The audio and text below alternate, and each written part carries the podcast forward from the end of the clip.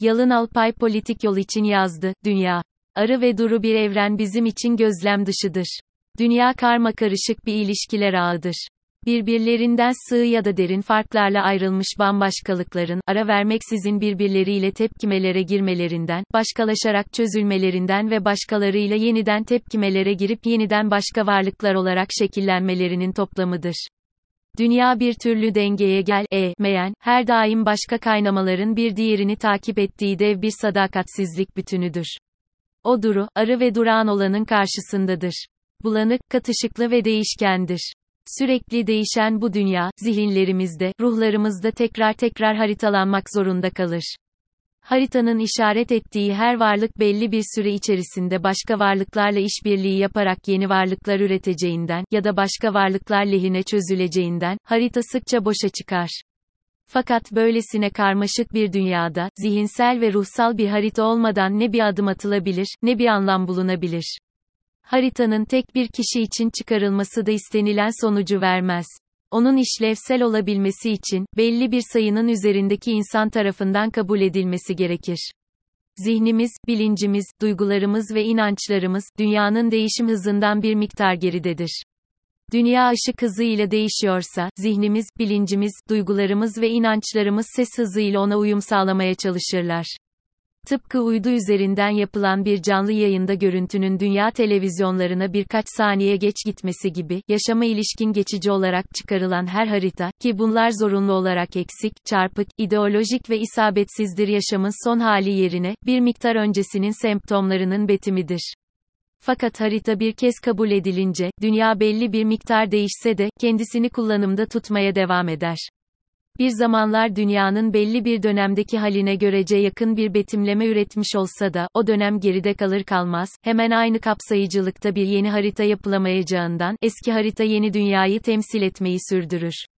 Zihinlerimiz, bilinçlerimiz, duygularımız ve inançlarımız, haritaya sadık, dünyaya sadakatsiz kalır. Ta ki haritaya yeni, çaplı ve etkin bir güncelleme gelene kadar. Fakat harita ontolojik olarak bir çarpıklık merkezi olduğundan, yeni haritada dünyanın hiçbir dönemini tam olarak yansıtamaz. Sadece eskimiş olandan daha kullanışlı olma olasılığı taşır.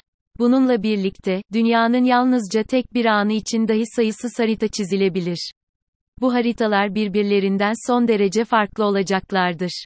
Bu farkların sayısız nedeni vardır fakat biz bu yazı çerçevesinde yalnızca ölçek sorununa odaklanalım. Haritada ölçek paydası küçüldükçe, haritadaki detaylar artar. Ölçek paydası büyüdükçe, detaylar yok olur. Gerçekte olup biten her şey, detaylardan kaynaklanır çünkü yaşam genellemeler çerçevesinde düşünülür fakat detaylarda yaşanır. Yaşamı harita üzerinden anlamak zorunluluğu, bizi topograflık yapmaya zorlar. Fakat detaylı bir dünya haritası çıkarabilecek bir topografın, dünyadan aşırı derecede fazla veri çekmesi, bu verileri ilişkilendirmesi, neden-sonuç ilişkilerine yatırması, kavramsallaştırması, duygularla, duyularla eşleştirmesi, inançlarla çerçevelemesi gerekir. Tüm bunları yapması da yetmez.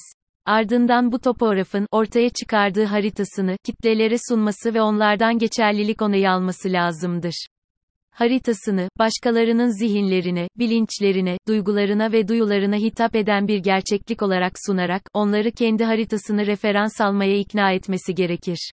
Harita referans alındığında, dünyanın kendi gerçekliğine göre değil, o haritanın temsil gücüne dayanarak hareket edilir.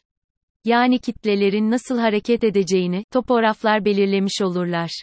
Bu şu anlama gelir, dünya üzerindeki karmaşık ilişkiler arasında hangi ilişkilerin ne olduğuna dair açıklamaları yapıp, onları kavramsallaştırarak paket sözcükler haline getirip, toplumsal algıda dolaşıma sokanlar, başkalarını kendileri gibi düşünmeye ikna etmiş olurlar. Bunun gerçeklikle bir ilintisi olması gerekmez. Çünkü insanlar gerçek dünyaya göre değil, dünyanın çıkarılmış haritasına göre tutum geliştirirler. Bu yüzden, insanların dünya karşısındaki tutumları, topografya çerçevesinde inşa edilir. Dünyanın haritası ise büyük ölçüde kavramlarla çıkarılır. Nokta. Olayları, olguları, tutumları, ilişkileri birer bileşke olmanın ötesine alarak, onları birer varlık olarak saptamak, ancak onları bir sözcükle eşleyip, bu olaya, olguya, tutuma, ilişkiye kavramsal bir betimleme yapmakla mümkündür. Her bir kavram bir yaşam olanağı, bir varoluş biçimi icat etmektir. Bu yüzden yaşam pratiktedir gibi görünür ama büyük oranda teoridedir. Bir şeyi utanılacak ya da gurur duyulacak kılan, yararlı ya da yararsız gösteren, nitelikli ya da niteliksiz hissettiren, beğeni ya da nefret duyuran, anlamlı ya da anlamsız konumlayan, haritalandırma yapılırken fark edilen, icat edilen kavramlardır. Dünya fiziksel bir mekan olarak yaşansa da, onun yazılımı bütünüyle teoriktir. Başkalarıyla kurduğumuz bütün ilişkiler, kavramların yönlendirmelerinin sonucudur. Her şey birbiriyle ilişkilendirilebilir. Fakat çoğu şey birbirinden yalıtılarak algılanmıştır. Bu yüzden birleştirilen her varlık, ortaya yeni bir tepkime çıkarır.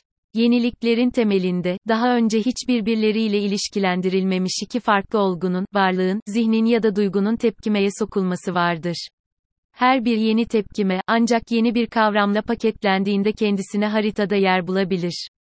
Kavramsallaştırılmamış bir şeyin, haritada yeri olamayacağından, insanlar ona karşı bir tutum geliştir, e, mezler. Yaşam, kavram icat edebilmeye dayanan bir pratiktir.